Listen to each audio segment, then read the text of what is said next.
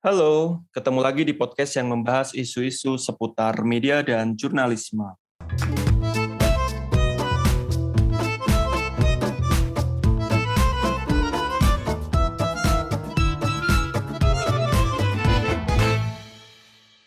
Nah, eh, episode kali ini kita akan masih eh, membahas tentang eh, buku lagi ya. Kemarin-kemarin di episode sebelumnya saya sempat merekomendasikan buku-buku tentang media dan jurnalisme yang layak dibaca. Nah, di episode kali ini saya ingin membahas tentang buku baru yang ditulis oleh seorang jurnalis. Nah, tepatnya Kali ini kita akan ngobrolin tentang buku yang judulnya Kabar Buruk Hari Ini yang diterbitkan oleh uh, Buku Mojok. Nah ini buku tentang liputan-liputan uh, ya, yang ditulis oleh jurnalis ini. Nah jurnalisnya siapa? Nah ini uh, biar agak mengejutkan gitu ya. Nah jurnalisnya adalah uh, Mawa Krisna. Halo uh, Krisna, apa kabar? Halo No, kabar, apa kabar? Baik aku. Sehat-sehat, mantap. Nah, oke. Okay. Uh, eh, Krisna adalah uh, redaktur pelaksana di Project Multatuli. Ia juga uh, editorial manager di Indonesian Data Journalism Network. Sebelumnya Krisna juga sempat uh, bekerja di di Haluan dan juga di Tirto. Nah, di buku ini adalah uh, apa merangkum liputan-liputan yang uh, Krisna kerjakan selama beberapa tahun terakhir. Nah, nanti saya akan banyak nanya terkait bagaimana sebenarnya proses di balik pembuatan uh, buku ini juga uh, proses di balik liputan-liputan yang Krisna kerjakan ya. Tentu dengan pengalamannya yang sudah cukup panjang sebagai jurnalis gitu. Jadi kita akan bisa dapat banyak cerita di balik apa ya, mungkin semacam behind the scene-nya proses liputan-liputan yang Krisna kerjakan gitu. Nah, tanpa berpanjang kata lagi, uh, aku akan nanya-nanya ke Krisna tentang uh, buku barunya. Uh, Kris, mungkin bisa cerita hmm. nggak hmm. sebenarnya ini buku tentang apa dan bisa diceritakan nggak sedikit tentang uh, latar belakang di balik penulisan buku ini? Ya, sebenarnya ini pertama ini buku kumpulan tulisannya, kumpulan hasil reportaseku uh, selama kurang lebih ini ya mungkin periode 2016 sampai 2020 ketika pandemi. Um, jadi aku mem memilih kira-kira mana liputan-liputan yang menurutku berkesan dan itu juga ada satu tema yang menaungi gitu. Um, kenapa kemudian aku memutuskan apa namanya uh, ini dijadiin buku gitu?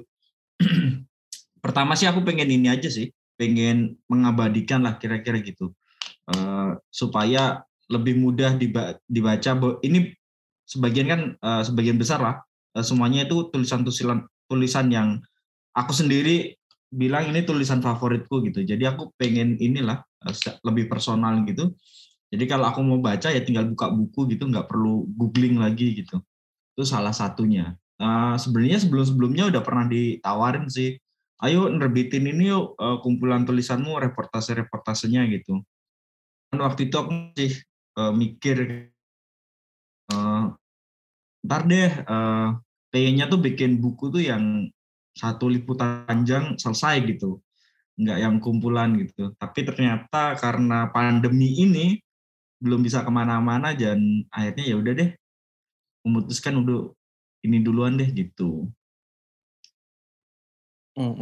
Kenapa judulnya kabar buruk hari ini, Chris? Nah, uh, karena hampir semua, ya mungkin semuanya ya, eh, liputan-liputan itu tentang kabar buruk sih, hmm. uh, tentang masalah-masalah uh, sebagian besar agraria. Karena aku uh, selama di Tirto tuh punya konsen soal konflik agraria. Itu ya isinya sih itu karena isinya kabar buruk dan kayaknya itu hal yang sekarang setiap hari terjadi juga. Makanya aku tulisnya kabar buruk hari ini. Misalnya selama pandemi gini ya kita setiap hari ada kabar buruk. Semakin lama kan kita semakin ini ya kerasa ya. Misalnya ada kabar buruk apa yang meninggal gitu. Semakin lama lingkarannya semakin dekat gitu. Dan yaitu kabar buruk semuanya. Yang kita baca di media sekarang semuanya banyak kabar buruk. Dan kebetulan aja ini pas pandemi. Sebenarnya kalau kita ngelihat banyak sekali berita-berita tentang masalah konflik gitu konflik sosial agraria ataupun uh, teror gitu yang ya nyaris setiap hari ada gitu itu sih Hmm, jadi memang karena ini ya uh, sebagian besar memang isinya tentang kabar buruk. Tapi sebenarnya dalam kabar buruk itu kan berarti uh, ditulis karena memang butuh untuk uh, ini ya Chris ya, Chris ya apa namanya ngasih tahu orang bahwa memang ada masalah ini gitu loh. Ya uh, banyak menurutku uh, beberapa memang ada yang dilihat orang, tapi banyak juga yang nggak diliput media lain gitu. Hmm, hmm. Uh, yang akhirnya cuma aku yang nulis karena ya nggak tahu mungkin nggak menarik buat orang tapi menurutku sih menarik banget karena misalnya ngelibatin nyawanya orang gitu uh, ngelibatin uh, orang-orang kecil yang kemudian di uh, apa ditindas gitu uh, keadilan itu dirampas dari mereka gitu ya itu sebenarnya isu yang terjadi cuman ya kita tahu lah itu bukan isu yang makanannya media mainstream gitu nggak seksi dan nggak menjual gitu ya Ya, itu salah satunya ya. Hmm, hmm. Oke, kalau terkait ini, Chris, kan tadi kamu cerita memang memilih tulisan-tulisan yang menurutmu favorit dan ada ada tema yang yang menaungi gitu. Dan aku membaca buku ini kan eh, liputannya sebenarnya secara isu berbeda-beda juga ya. Eh, dari sulitnya eh, etnis Tionghoa memiliki tanah di Jogja sampai eh, apa perda Injil di Papua sampai juga apa tentang tim mawar yang menculik aktivis di dulu tahun-tahun 97 98. Nah, sebenarnya kalau menurutmu sendiri Chris kalau dirangkum sebenarnya pesan apa sih gitu kalau kita di uh, bicara tentang pesan yang coba kamu munculkan di di buku atau di liputan-liputanmu ini, Chris? Ya sebenarnya pengen ini soal bagaimana uh, kayak misalnya tadi kamu sebut soal perda Injil di Manokwari, kemudian juga ada masalah uh, dengan etnis Tionghoa di Jogja gitu, nggak yang nggak boleh punya panah gitu. Dari ini ya, istilahnya dari daerah barat kemudian sampai ke daerah timur itu masalahnya kalau kita ngelihat sama aja, sentimen rasial, uh, agama gitu-gitu masih sangat kental gitu ya isunya gitu tuh. Dan kita sebenarnya nggak pernah menyadari uh, itu ada di sekitar kita sehari-hari. Aku misalnya kayak yang di Manokwari bisa melihat merasakan gitu bagaimana uh, misalnya umat muslim itu sulit mendirikan uh, masjid gitu. Terus kita juga melihat mereka sebagai minoritas di sana gitu. Kemudian aku juga melihat ada minoritas di Jogja yang kemudian juga jadi korban juga gitu. Ya ini cerita orang-orang yang menjadi korban itu juga salah satunya nih ya, salah satu yang menaungi ya temanya. Uh, ada aspek ketidakadilan, intoleransi, kekerasan, uh, penyalahgunaan wewenang gitu banyak hal Tapi uh, lebih banyak aku bicara soal oh ini ya, person-person sebagai korban. Dan nyaris semuanya itu cerita-cerita yang mungkin personal juga sih. Kayak misalnya ada satu tulisan tuh yang aku nulis tentang bapakku sendiri gitu. Hmm, hmm. Sangat personal. Kemudian aku juga nulis soal Yupatmi. Gitu. Yeah, yeah, yeah. Itu juga menurutku sangat personal karena aku sempat ngobrol sama dia gitu, sempat ketemu dan perkenalan yang singkat itu terus dalam waktu uh, mungkin seminggu lah gitu ya seminggu gitu setelah itu nggak ada kayak ya secara personal tuh aku juga anjir uh, gini banget ya kondisinya gitu kira-kira gitu. Hmm, hmm, hmm, hmm.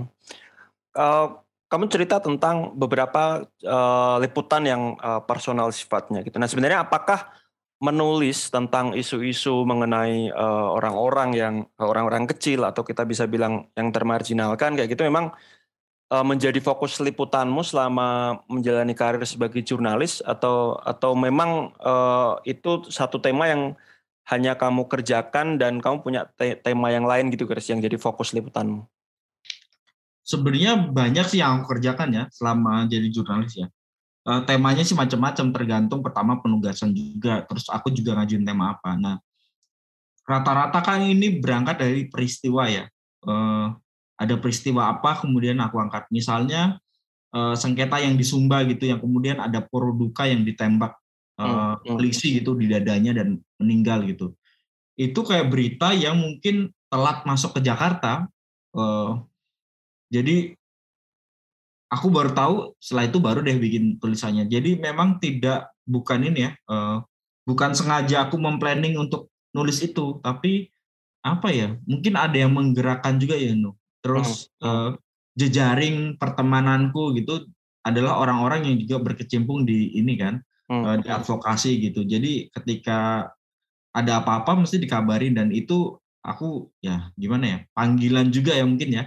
Udah deh kita tulis deh kita bantuin gitu. Hmm. Gimana caranya gitu. Kalau range liputannya sih sebenarnya aku punya fokus yang agak lebar ya gitu ya. Apa hmm. aja sih dimakan sebenarnya. Tapi kalau misalnya aku interestnya apa ya itu aku ya di konflik agraria, terus kemudian masalah HAM, eh, korupsi belakangan aku juga mulai rajin ya, kayaknya sejak eh, apa namanya, sejak eh, akrab dengan jurnalisme data ya, jadi hmm. sering-sering eh, bongkar-bongkar lah laporan keuangannya eh, kementerian atau lembaga-lembaga negara gitu, terus eh, buka laporan BPK-nya mereka, melihatin eh, tender-tendernya mereka, tapi itu interest pribadi gitu ya. Hmm, hmm, rata-rata sih gitu lebih banyak uh, interest pribadi menurutku semua wartawan seharus ini ya ada mesti punyalah interest apa isu apa yang digarap gitu. Hmm, hmm, hmm. Eh btw dirimu sudah berapa lama sih Chris jadi uh, jurnalis? Yang di media mainstream ya, uh, aku tuh 2013 jadi hmm. di merdeka.com.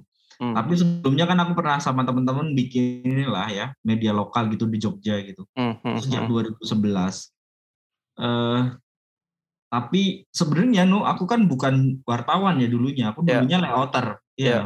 Hmm. Aku dulu layout di Jawa Post Group terus kemudian kayak udah bosen aja gitu, udah pengen jadi wartawan gitu. Nulis hmm. kayaknya lebih asik gitu. Hmm. Hmm. hmm. Berarti 9 2013 berarti sudah 9 10 tahunan ya Chris ya? Hampir.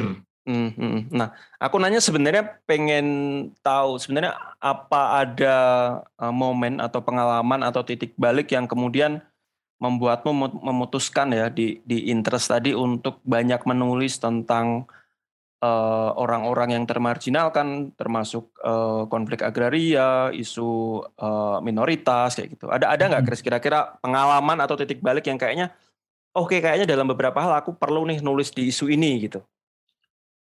Uh, ini sih dulu aku mau cerita ya ini sangat personal ya. Ya ya. Dulu tuh aku kan jadi jurnalis uh, di merdeka.com gitu yang jadi kontributor di Jogja dan nggak banyak berita-berita uh, yang mungkin isu yang berbobot gitu ya eh, kontributor di daerah mesti ngerti lah ya kondisinya kayak gimana.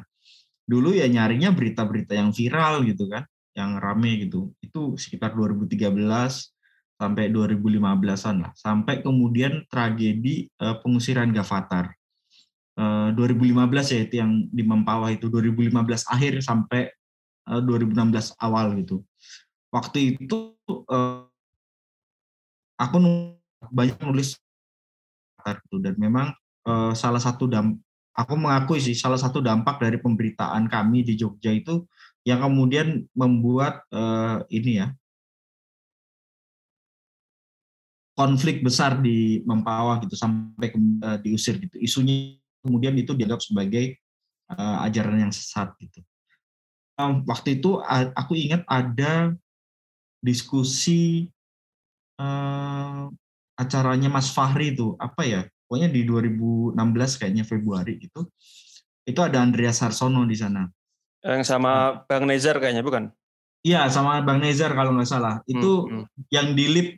Iya iya benar-benar hmm, hmm. di lip. Nah itu waktu itu tuh Andreas tuh bilang gini di sini ada wartawan Rappler kata dia nanya gitu kan. Terus aku tuh ya inosen aja nggak ada ngerasa nggak nggak ada apa-apa.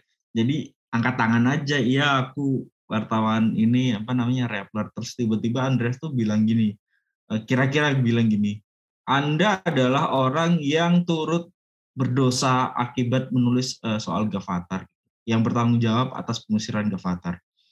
Karena menulis berita yang uh, nggak benar gitu menulis beritanya perspektifnya nggak benar uh, banyak hal yang dikritik sama Andreas.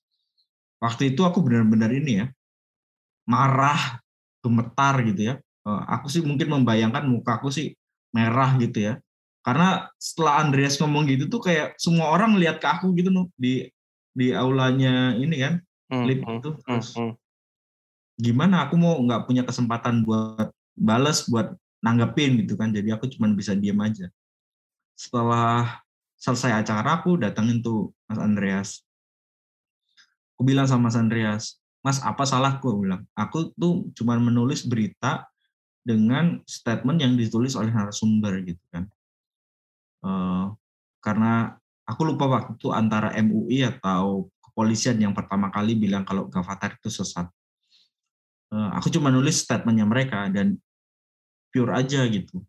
Eh, dan dia bilang tuh pertama ya apa sih ini orang kemudian bisa menyesatkan satu, kelompok gitu kan satu ajaran gitu. Tapi kalau itu perspektif ini ya, perspektif hamnya ya, bahwa orang eh, berhak apa namanya memeluk percayaannya masing-masing gitu. Kemudian juga dia bilang gini, kamu itu seperti membidik sarang tawon gitu ya. Yang sebenarnya nggak ada masalah eh, ketika di sana gitu, tapi tiba-tiba kamu lemparin batu mungkin, terus orang jadi ribut gitu. Semua orang jadi kena dampaknya yang ada di sekitar situ. Eh, dan aku akhirnya menyadari bahwa sebegitu ngerinya eh, kekuatan dari tulisan jurnalis itu loh dampaknya bisa membuat 50 ribu orang terusir dari kampung gitu. Kayak, wah ternyata selama ini aku tidak berhati-hati dalam apa namanya menulis gitu. Dan asal ap, apa yang diomongin narasumber itulah yang tulis gitu. Nggak pernah ada upaya mempertanyakan bener nggak nih omongan narasumber, perspektifnya bener nggak gitu. Nah kayaknya sejak itu deh aku mulai belajar banyak belajar lah ke, ke Aji gitu. Nah, ada ada apa namanya ada training trainingnya Aji aku mulai ikut gitu. Tadinya memang udah anggota Aji, cuman aku nggak pernah ikut apalah ada pelatihan apa ada fellowship apa nggak pernah ikut gitu. Kayaknya sejak itu deh aku mulai ngerasa ayo deh uh, memperbaiki diri menjadi wartawan yang benar karena dampaknya ketika kamu menulis sesuatu yang salah yang perspektifnya nggak tepat gitu, dampaknya sangat buruk buat orang lain gitu. Gitu, nu. Oh, Oke, artinya memang momen itu momen meliput tentang uh, Gavatar dan juga tadi apa yang disampaikan Mas Andreas itu ini ya sangat berpengaruh terhadap cara pandangmu sebagai seorang wartawan gitu ya, Chris ya? Iya, iya. Aku jujur aja, setelah itu tuh ngerasa bersalah juga. Uh, setelah uh, itu kan aku kemudian ketemulah sama beberapa teman-teman uh, Gavatar. Karena waktu itu aku terus ngobrol dengan Mas Anang waktu itu ketua Aji gitu. Hmm. Aku ngobrol sama Mas Anang, eh, ceritalah apa yang terjadi itu terus uh, aku bilang ini ada teman-teman Gavatar yang pengen ngobrol lah sama teman-teman Aji gitu kan. Waktu itu aku sempat ketemu sih beberapa kali, cuman kita akhirnya gagal untuk bikin diskusi. Waktu itu kan memang kita pengen diskusi lah dengan teman-teman yang sudah keluar dari penampungan kan. Ingin bikin diskusi dengan mereka eh, dengan eh, teman-teman jurnalis dengan teman-teman eh, ekskavator gitu. Tapi diikutin Intel waktu itu. Jadi gagal deh itu ininya diskusinya. Jadi teman dari ekskavator itu nggak nggak jadi datang karena dia diikutin Intel gitu. Waktu itu ya. Terus tapi aku sampaikan minta maaf. Dan sampai sekarang sih masih ini ya. Masih berteman kadang kontak-kontakan gitu. Bahkan ketika di Jakarta uh, aku kan sempat beberapa kali ngunjungin uh, Pak Musadek di ini ya di LP Cipinang gitu. Ya aku juga sampaikan minta maaf uh, karena salah satu lah yang bikin berita dan membuat uh, semuanya jadi begitu. Hmm, hmm. Berarti artinya memang kalau dari pengalamanmu aku membayangkan sebenarnya juga uh, mungkin banyak juga wartawan yang menulis tapi juga nggak sadar dengan efek dari tulisannya ya Chris ya. Kalau kalau dirimu kan menulis dan ternyata uh, ada yang mengingatkan bahwa efek hmm. tulisanmu bisa bisa merusak kehidupan orang gitu dan itu menjadi salah satu titik balikmu gitu. Tapi kalau yang lain mungkin bisa jadi nggak nggak sadar dengan efek dari tulisannya gitu ya Chris ya? Aku nggak tahu ya, mungkin setelah itu mungkin sadar ya. Uh, hmm. Tapi uh, kalau aku aku nggak bisa bilang orang lain nggak sadar gitu. Hmm. Tapi hmm. buatku sendiri itu uh, benar-benar tamparan lah ya, yang bikin hmm. aku sadar. Ini profesimu tuh profesi yang sangat berbahaya gitu loh. Uh, ini ya ibaratnya tuh pedang bermata dua ya gitu loh. Bisa melukain siapa aja gitu termasuk diri sendiri juga maksudku itu sangat ngeri lah ya hmm. begitulah ya oke okay, ya ya hmm, ngerti ngerti artinya memang uh, ya efek tulisan tetap ha harus berhati-hati ya sebagai hmm. jurnalis gitu ya termasuk nggak nggak sekedar menjadi tadi ya nggak nggak sekedar menjadi perpanjangan dari narasumber, narasumber gitu. Hmm. Iya, itu bahaya banget sih, bahaya banget. Hmm, oke. Oke, oke Chris. Aku sekarang pengen masuk ke beberapa detail ke bukumu ya Chris ya. Uh, kalau tadi kan secara umum pengalamanmu dan titik balik kenapa menulis banyak menulis juga dengan isu-isu uh, konflik sosial, konflik agraria. Nah, uh, sekarang masuk ke bukumu. Di dari liputan-liputan yang kamu tulis dari 2016 sampai sekarang gitu yang masuk di buku sebenarnya liputan mana Chris yang menurutmu paling berkesan uh, di buku ini dan uh, kenapa? Um, ini ya paling bom Surabaya sih. Bom Surabaya. Uh. 2018 kalau nggak salah. Hmm. Itu uh, apa ya? Karena ngerasa dekat juga ya karena itu gereja dan aku juga orang Kristen tapi walaupun nggak pernah ke gereja gitu tapi ngerasa dekat aja dengan apa namanya uh, dengan institusi itu gitu Hmm, hmm. Terus kemudian um, waktu bom itu kejadian, terus aku kan punya banyak teman uh, beberapa pendeta di sana gitu di daerah Surabaya uh, dan sekitarnya Jawa Timur. Aku teleponin mereka gimana gimana gitu. Uh, itu juga yang akhirnya aku memberanikan diri untuk oh ya oke okay deh aku mau berangkat ke Surabaya gitu dan akhirnya nelponin teman-teman semuanya ya semua yang ada di sana yang jadi korban gitu ya.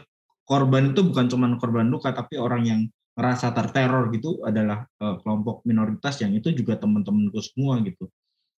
Dan yang uh, uh, semakin itu semakin dekat karena salah satu uh, pendeta yang waktu itu khotbah di di gereja GKI itu adalah uh, ini pendetaku waktu di Jogja gitu.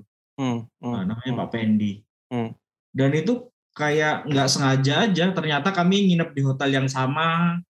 Terus banyak inilah ya peristiwa-peristiwa yang kayak semakin eh, apa namanya semakin membuat itu sangat dekat gitu.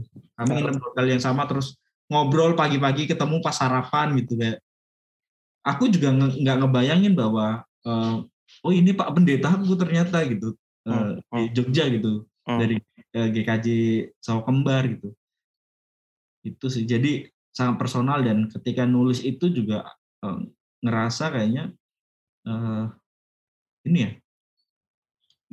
apa ya bahasanya marem gitu lah ya aku ngerasa itu hmm, hmm. aku mengerahkan segala uh, kemampuan semaksimal mungkin untuk uh, bikin tulisan itu hmm, hmm, hmm. karena juga tadi ya maksudnya uh, personal dan kamu merasa punya ya. ikatan emosional gitu ya ya punya ikatan emosional gitu dengan ya teman-temanku sendiri misalnya ada yang teman-teman yang uh, kemudian bikin uh, aksi nyalakan lilin ya itu teman-temanku semua itu teman-teman main zaman mahasiswa gitu hmm, hmm. Uh, dan mereka juga yang merasakan uh, teman-temannya uh, jadi korban gitu kayak wah aku jadi semakin cara emosional itu uh, sangat dekat hmm, hmm, hmm, hmm, hmm.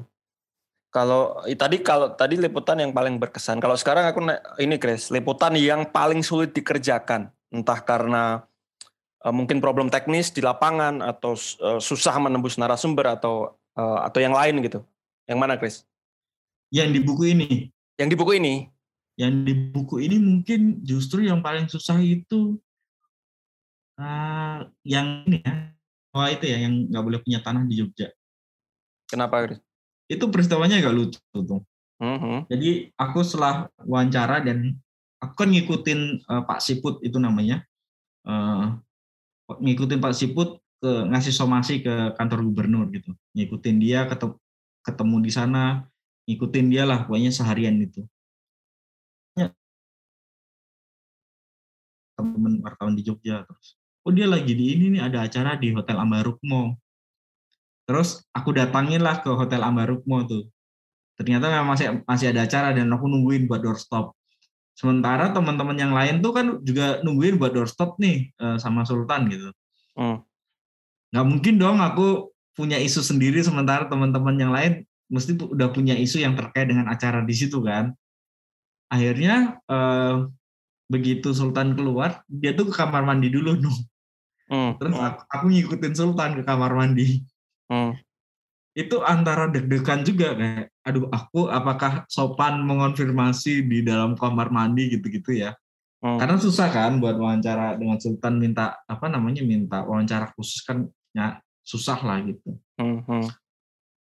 akhirnya udah deh aku putuskan uh, memantau aja tuh di kamar mandi begitu dia keluar terus cuci tangan gitu habis itu aku udah siap-siap aja tuh di depan pintu kamar mandi. Jadi teman-temanku udah nungguin di dekat lift, aku udah di dekat pintu kamar mandi. Jadi sambil jalan tuh aku wawancara dia gitu, konfirmasi soal uh, isu soal baik kenapa um, warga keturunan Tionghoa tidak boleh punya tanah di Jogja gitu.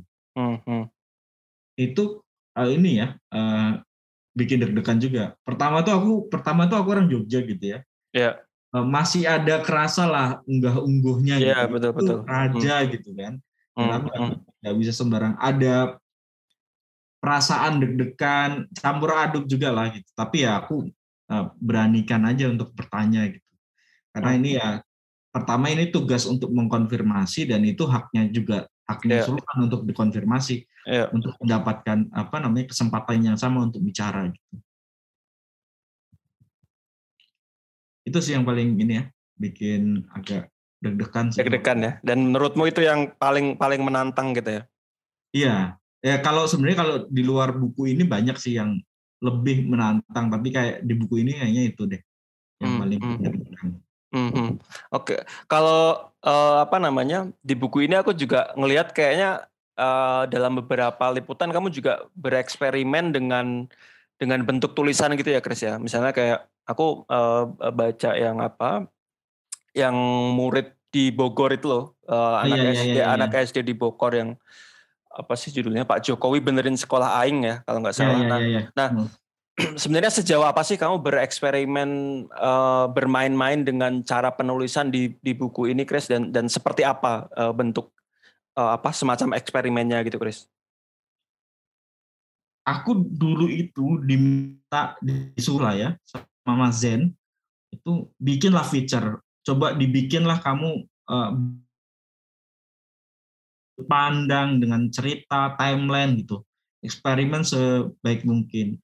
Waktu itu sih memang belum sukses lah beberapa eksperimen tapi kemudian aku sempat kursus dipantau kan uh, hmm, untuk. Uh, kelas uh, menulis narasi narasi itu. Banyak dapat dapat pengetahuan baru oh ternyata bisa dibikin begini tulisan tuh oh ternyata bisa bikin begitu. Dan baca-baca juga di uh, dikasih banyak fit uh, tulisan-tulisan dari luar oleh Mas Fahri gitu. Uh, ini nih baca ini kamu baca ini gitu. Akhirnya tahu oh ternyata bisa nih dibikin begini nih. Nah kayaknya eksperimen pertama memang ya itu ya uh, Pak Jokowi benar di sekolah AIN itu aku antara Weweh kalau nggak salah namanya itu siapa nama aslinya? Aku lupa ingat nama panggilannya Weweh. Wawancara dia ngikutin dia eh, ketika ke sekolah kemudian di sekolah aktivitasnya gimana. Dan eh, waktu itu aku sebenarnya ngobrol dengan banyak orang eh, dengan banyak murid. Karena mereka kan ini ya eh, kelasnya ambruk terus mereka eh, ini ya eh, belajar di teras gitu. Waktu itu aku ngobrol dengan banyak murid-muridnya gitu dan yang paling uh, aktif dan ini ya uh, artikulatif ngomongnya jelas runut itu si Wewe. Jadi aku mungkin aja wawancara tiga empat orang tapi uh, yang paling oke okay ini ini nih. Akhirnya aku memutuskan untuk ngikutin si Wewe itu. Um, tantangannya adalah ketika menulis itu sempat ini diskusi juga dengan Mas Jen. Mungkin nggak aku nulis dengan perspektif aku sebagai narasumber bukan aku sebagai penulis. Jadi aku seolah-olah sedang berada dalam posisi uh, si narasumber gitu. Kata Mas itu sangat mungkin tapi tantangannya adalah sejauh mana kamu menghilangkan interpretasi dan perspektifmu terhadap setiap omongannya dia atau setiap uh, pikirannya dia gitu. Jadi nggak boleh ada apa namanya interpretasi apa pun. Yang boleh kamu lakukan adalah apa yang dia lakukan kamu tulis dan apa yang diucapkan itu yang kamu tulis. Jadi nggak boleh ada penafsiran apa pun gitu. Karena ketika itu kamu sudah mulai menafsirkan sesuatu, faktanya jadi hilang gitu, terkikis gitu loh fakta. Jadi bias gitu ya? Ya jadi bias gitu kan, jadi bias. Itu susah sih itu nulis nulis nulis itu ya. Uh, sempat beberapa kali dirombak gitu. Aku sempat meminta tolong waktu itu Bana juga bacain terus ngasih masukan bener nggak si ini tuh merasa demikian? Karena aku pernah nulis apa gitu dia ngerasa apa gitu ya. Terus oh ngerasa kesel gitu. Dari mana kamu tahu itu kesel gitu? Jangan-jangan itu cuman interpretasimu terhadap apa yang diomongkan dia dan apa yang di apa namanya yang ter, terjadi di sana itu. Jadi terlihat kesel. Jadi aku benar-benar nggak boleh uh, bermain di sana gitu. Di interpretasi itu. Terus um, selain itu kan gitu, aku coba bikin bisa nggak kayak itu eksperimen pertama uh, peristiwa uh, ledakan ledakan pabrik kembang api di Kosambi. Hmm. Itu aku bilang sama Sfari, Mas, aku pengen bikin story yang beda. Uh, aku pengen mainan dengan timeline gitu. Timeline dan peristiwa yang menghubungkan itu ke semua orang gitu. Ya aku ketemu dengan eh, banyak narasumber gitu eh, malam ketemu siapa gitu, ketemu siapa tapi semua orang itu kan terkoneksi lewat peristiwa itu ya, peristiwa ledakan. Dan aku coba bikin timeline dan uh, bagaimana mereka satu sama lain saling ketemu gitu di peristiwa itu. Um, aku sih terinspirasi dari buku Hiroshima ya. Eh, John Hersey gitu. Ya yeah, ya yeah. hmm. keren banget itu buku. Dan aku kayak aduh kayaknya coba deh dari peristiwa kecil ini kita uji coba dengan bikin kayak gitu. Dan ya banyak berantakan gitu. Kayak orang bingung alurnya gimana gitu ya itu eksperimen pertama ya nggak nggak mulus-mulus banget lah. Tapi oke okay lah itu sebagai sebuah eksperimen tuh jadi kemudian aku nyoba yang di bom bom ini ya gereja Surabaya dengan timeline. Terus yang agak menurutku asik itu soal Ahok. Aku eh soal Ahoker aku nulis uh, para Ahoker yang nungguin uh, nungguin Ahok bebas di Makobrimob. Itu kayak bulan-bulan Januari kalau nggak salah Um, jadi itu aku pakai perspektif orang kedua kan.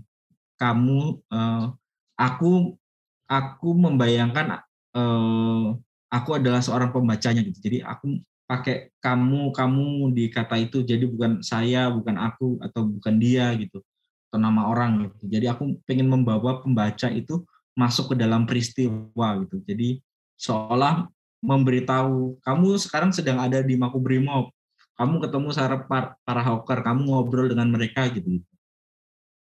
Dan itu waktu itu juga sempat sama Mas Wari sih sempat ngobrol. Ini yakin kamu mau nulis begini gitu? Aku sih yakin Mas. Uh, uh, mungkin bisa dibilang itu ada biasnya ya, tapi uh, apa peristiwa yang di sana itu real gitu apa yang tuliskan tuh peristiwanya beneran ada dan aku rekam gitu. Oh. Jadi apa namanya uh, faktanya nggak terkurangi lah gitu. Cuman aku berusaha uh, main dengan perspektif. Kayak Mas Andreas Sarsono juga bilang sih ini cara penulisan yang segar gitu karena baru aja jarang ada orang yang nulis gitu. Aku ke baca tulisannya si Dea Anugrah. Tulisannya Dea. Dea tuh aku ke Pulau Komodo atau ke mana aku lupa ya. Itu keren sih tulisannya. Jadi seolah-olah eh, benar-benar sedang ke sana sedang berlibur gitu. Seru. Gitu Hmm, oke. Okay. Ya aku memang kalau ngelihat beberapa tulisanmu yang tadi kamu cerita memang uh, menarik ya, benar kayak yang yang horor 24 jam ledakan kembang api memang aku teringat John Hersey ya yang dia cerita tentang uh, apa? Dia mengurai timeline beberapa korban bom atom kan kalau yang di yeah, John yeah, Hersey yeah. itu kan jadi dia menceritakan uh, beberapa kejadian yang kira-kira berjalan dalam waktu yang uh, bersamaan. Menurutku, uh, hmm, menurutku menarik hmm. sih, Chris. Nah, aku uh, sekarang pengen masuk ke efek uh, atau atau pasca liputan gitu. Beberapa liputanmu kan sensitif ya, Chris ya, isunya gitu.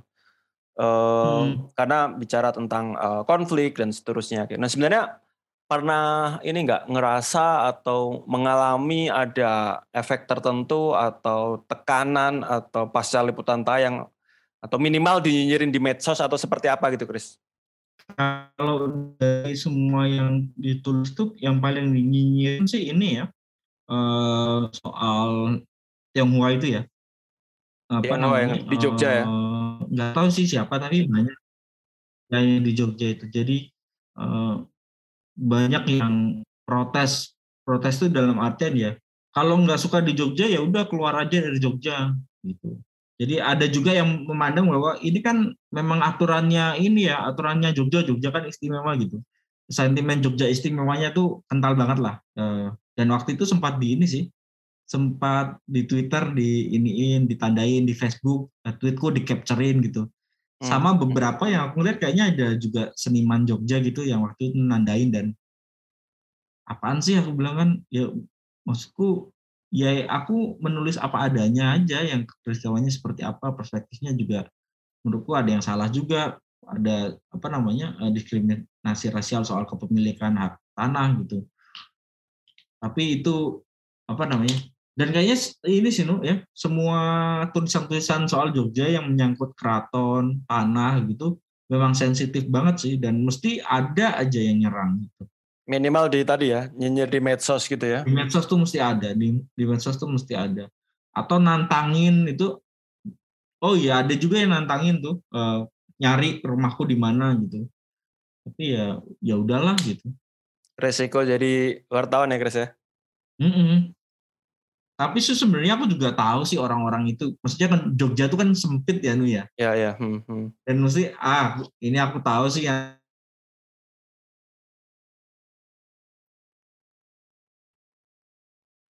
Halo Chris? Yuk, gitu sih Nu. Oh, oke oke oke oke oke. Oke, aku lanjut ke yang selanjutnya ya. Kalau ini sebenarnya udah nggak terkait dengan buku tapi ma, sebenarnya masih juga terkait dengan liputan-liputanmu. Kalau membaca liputan-liputanmu itu kan ada kesan ya kalau aku membaca sebagai pembaca itu ada keberpihakan yang yang kuat kayak gitu buat mereka ya yang tadi yang terdiskriminasi, eh, termarginalkan dan juga eh, minoritas gitu baik minoritas agama, minoritas suku, korban pelanggaran HAM dan seterusnya. Nah, menurutmu dalam konteks yang lebih luas gitu ya, uh, memang jurnalisme memang harus berpihak yang ini seperti kamu tunjukkan dalam tulisanmu atau sebenarnya bagaimana sih Chris kamu memandang keberpihakan dalam uh, sebuah liputan atau uh, jurnalisme begitu Chris? Ya, kalau aku sih gini ya, Nu. Kita ini kan dianggap bahwa kita punya punya corong gitu. Kita bekerja di media yang itu sebenarnya corong untuk menyuarakan sesuatu gitu. Terus eh, kalau kita menyuarakan kepentingannya para oligark gitu, buat apa gitu? Mereka tuh nggak perlu itu. Yang perlu disuarakan, perlu di apa namanya diberitakan, perlu diadvokasi itu adalah orang-orang yang tertindas gitu apa kelompok minoritas, kelompok-kelompok rentan, eh, korban HAM gitu ya memang harus ada keberpihakan ke sana gitu. Jadi uh, itu salah satunya ya. Tentu ada banyak hal yang yang bisa diberitakan selain itu. Tapi kalau kita ngomongin soal keberpihakan ya kita harus jelas tuh standing positionnya itu di mana gitu. Kan banyak juga ngomongin penggusuran gitu uh, yang di Jakarta. Standing positionnya tuh kayak benar-benar cuma melihat bahwa oh ini statusnya tanah punya pemprov DKI Jakarta, tapi nggak melihat bahwa ini tuh ada kehidupan orang yang digusur gitu. Ada orang yang kemudian di apa namanya eh, mendapatkan ketidakadilan gitu. Ruang hidupnya digusur gitu. Itu yang apa namanya? Kok nggak ada ya rasa apa ya rasa rasa ada sesuatu yang salah nih gitu. Itu aku paling banyak sih berangkat dari situ ya. Kemudian bisa menyimpulkan bahwa ya kita harus berpihak lah sebagai apa namanya supaya jurnalis. Jurnalisnya berpihaknya ke siapa ya? Kepada yang membutuhkan kepada kelompok-kelompok rentan gitu. Dan juga kepada fakta ya. Itu udah pasti kepada fakta. Tapi eh, kepada kelompok rentan yang ditindas yang mendapat ketidakadilan gitu-gitu ya itu adalah tugas kita untuk menyampaikan ya buat apa kita apa namanya memberitakan sesuatu yang baik-baik aja gitu. Ada yang menurutku paling sering salah dipahami oleh uh, banyak orang itu terkait misalnya kalau kamu uh, berpihak berarti nggak netral gitu. Kamu nggak memberitakan sisi baiknya juga, lo enggak, kamu nggak apa namanya nggak cover both sides dibilang. Cover both sides tuh bukan kalau aku memberitakan salahnya polisi bukan lantas aku memberi, harus memberitakan baiknya polisi. Nggak gitu cover both side. Cover both side itu memberikan eh, kesempatan yang sama eh, untuk berbicara untuk menanggapi gitu. Eh, untuk merespon apa yang kita tulis gitu. Konfirmasi gitu. Bukan ini side itu bukan bukan kemudian karena ada kasus yang jelek kemudian kita juga ngangkat yang bagusnya bukan begitu berimbang itu bukan begitu dalam tulisan. Itu sih. Hmm, hmm. Nah kalau sejauh pengalamanmu menjadi jurnalis dan juga mungkin interaksi dengan uh, teman-teman jurnalis atau wartawan yang lain ya sebenarnya apakah diskusi atau cara pandang seperti tentang keberpihakan seperti yang barusan kamu ceritakan itu memang jadi pandangan yang minoritas itu Chris di di lingkungan jurnalis tidaknya dari pengalamanmu atau memang uh, ada banyak diskusi tapi mungkin hanya terpusat di sedikit media saja jadi bukan pandangan yang uh, mainstream gitu Chris. Aku yakin sih ya, aku sih yakinnya dan berpikir positif ya. Teman-teman mesti tahu inilah. Teman-teman yang belajar jurnalistik atau yang sudah menguliti jurnalistik bertahun-tahun hidup di dunia ini gitu mesti tahu soal itu. Tapi uh, problemnya adalah apakah mereka punya kesempatan untuk membuat liputan-liputan seperti itu. Karena uh, ya kita seperti apa ya nih. Jadi nggak banyak space untuk menulis hal-hal yang begitu. Uh, menurutku itu faktor yang paling besar sih. Dan aku media memberikan ruang seperti itu. Aku yakin akan banyak jurnal jurnalis yang mau juga menulis misalnya uh, kelompok-kelompok yang terpinggirkan itu bisa mau diangkat gitu. Kalau kita melihat sisi yang terpinggirkan, kaum miskin gitu-gitu, itu banyak menghiasi media engagement, menggait traffic gitu. Jadi yang dijual itu soal kemiskinannya, soal kesedihannya gitu. Bukan coba untuk mengadvokasi, mencari salahnya di mana gitu. Kenapa tidak mempertanyakan kenapa ada warga negara bisa nggak makan gitu, bisa kelaparan itu kan aneh. Yang harusnya yang dimunculkan adalah kritis terhadap negara, pemerintah daerahnya gitu. Tapi yang diangkat kan soal kesedihannya, soal ya gimana hidupnya susah. Gitu. Itu yang eh, terjadi. Aku lakukan dulu ya sebelum sebelum istilahnya tobat gitu ya. Uh, tapi waktu itu memang gini ya, uh, sangat beda sekali rasanya waktu aku misalnya pindah ke Tirto punya kesempatan untuk menulis uh, yang begitu, yang kemudian uh, benar-benar uh, mengadvokasi apa namanya kelompok-kelompok rentan itu. Tapi ke, waktu di media sebelumnya aku ya udah deh, uh, yang penting viral aja beritanya naik gitu karena bayarannya per, per berita waktu itu ya udah gitu. Ada aspek itu sih dan aku yakin sih uh, dan berpikir positif pasti teman-teman uh, jauh di dalam lubuk hati sih tahu soal ini dan memahami isi yang membuat teman-teman juga nggak berdaya juga karena harus menjadi bekerja untuk media yang uh, nggak ke sana arahnya. Memang memang cari uh, traffic, memang cari profit aja gitu. Hmm, jadi tergantung juga dengan dengan kesempatan yang ada di masing-masing medianya juga ya, Chris ya. Iya, aku rasa gitu. Karena aku membuktikan sendiri dulu aku punya kesempatan ketika di Tirto mengeksplor banyak hal dan ternyata ya ini soal kesempatan juga mungkin kalau aku dulu masih di media yang lama ya aku akan gitu-gitu aja sama teman-teman yang lain nyari traffic ngejar-ngejar traffic gitu-gitu aja hmm. Dan nggak semua punya kesempatan yang seperti itu ya Chris ya betul betul ya, ngerasa beruntung lah aku ya hmm. kesempatan hmm. itu hmm.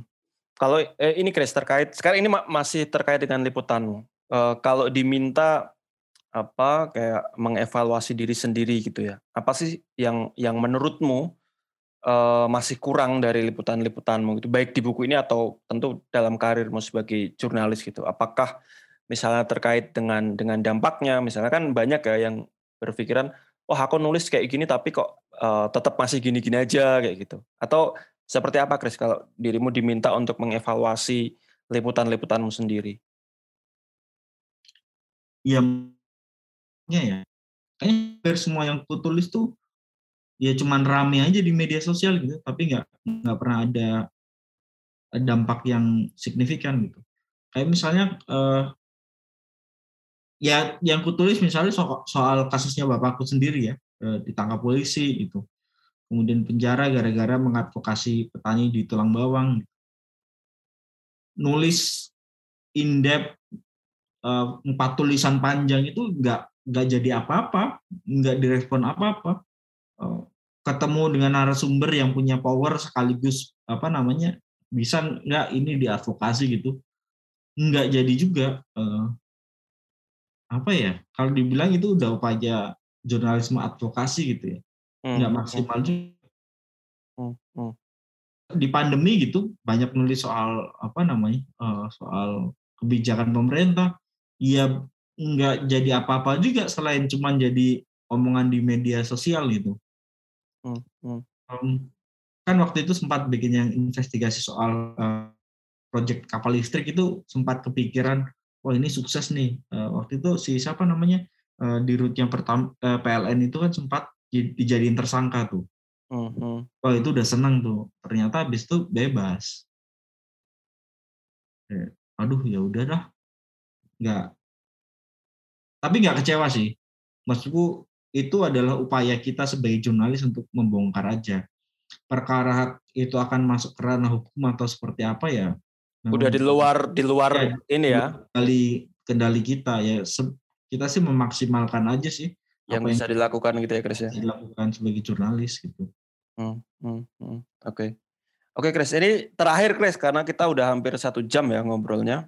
Ini ya? ini uh, kita kembali mendiskusikan buku ya. Menurutmu uh, siapa sebenarnya yang paling harus membaca bukumu ini, Chris? Tentu tentu uh, selain publik secara umum lah ya. Misalnya apakah jurnalis-jurnalis muda yang baru masuk ke industri media atau mahasiswa yang mau jadi jurnalis, para pembuat kebijakan yang masih bersikap diskriminatif atau siapa Chris sebenarnya yang menurutmu paling uh, tepat gitu untuk membaca tulisan-tulisanmu ini, Chris? Mungkin ini ya, mahasiswa yang mau jadi jurnalis ya. Hmm, hmm. Karena sebenarnya itu kan uh, kalau mau dibilang itu juga proses belajarku ya. Hmm. Kalau misalnya aku nulis kata pengantar kan juga cerita bagaimana kemudian aku uh, ada fase perubahan menjadi uh, benar-benar sadar dengan apa apa yang aku punya gitu, apa yang aku lakukan sebagai jurnalis gitu. Nah kesadaran itu seharusnya bisa ditumbuhkan sih uh, ke teman-teman yang berniat menjadi jurnalis gitu. Itu lewat buku itu menurutku bisa melihat sih bagaimana seharusnya kita jurnalis itu bekerja gitu. Keberpihakannya ke siapa uh, lebih jelas dan iyalah uh, karena itu juga bagian dari proses belajarku ya dan aku ngerasa sih ini juga bisa jadi bagian dari proses belajar uh, teman-teman mahasiswa yang uh, mau jadi jurnalis atau yang sekarang sudah aktif di pers mahasiswa gitu. Kalau jurnalis-jurnalis muda sekarang tuh lebih dahsyat nu, hmm. apa namanya mereka udah lebih hebat lah. Uh, kalau yang kayak aku gini tuh mungkin menang pengalaman aja, tapi kecerdasan cara mereka bekerja itu skill dan perspektifnya ya juga ini skill dan perspektifnya nggak diragukan lah yang muda-muda sekarang Hmm, hmm, oke. Oke, kukira begitu, Chris. terima kasih ya sudah uh, banyak sharing tentang tentang buku kabar buruk hari ini dan juga pengalaman menjadi uh, wartawan gitu. Semoga bukunya laris dan dibaca uh, banyak orang. Uh, ini kayaknya bisa dipesan online ya, Chris ya bukunya ya? Bisa, bisa, bisa, bisa ke buku Mojok langsung. Oke, okay. jadi teman-teman uh, yang dengerin podcast ini dan tertarik dengan bukunya Krisna bisa nyari ke Instagram atau uh, Twitternya buku Mojok kukira. Nah, uh, kukira begitu. Uh, Kasih nih ya. Ya, uh, Krisna dan juga teman-teman yang dengerin podcast ini, kalau teman-teman ada uh, masukan uh, dan kritik, langsung saja bisa ke Instagram atau Twitter di uh, @wisnu underscore prastia. Tetap sehat buat teman-teman semua. Tetap sehat juga buat Krisna. Sekali lagi terima kasih. Yuk, sama-sama, Nu. Yuk, kita ketemu lagi di episode-episode selanjutnya. Ciao. Ciao.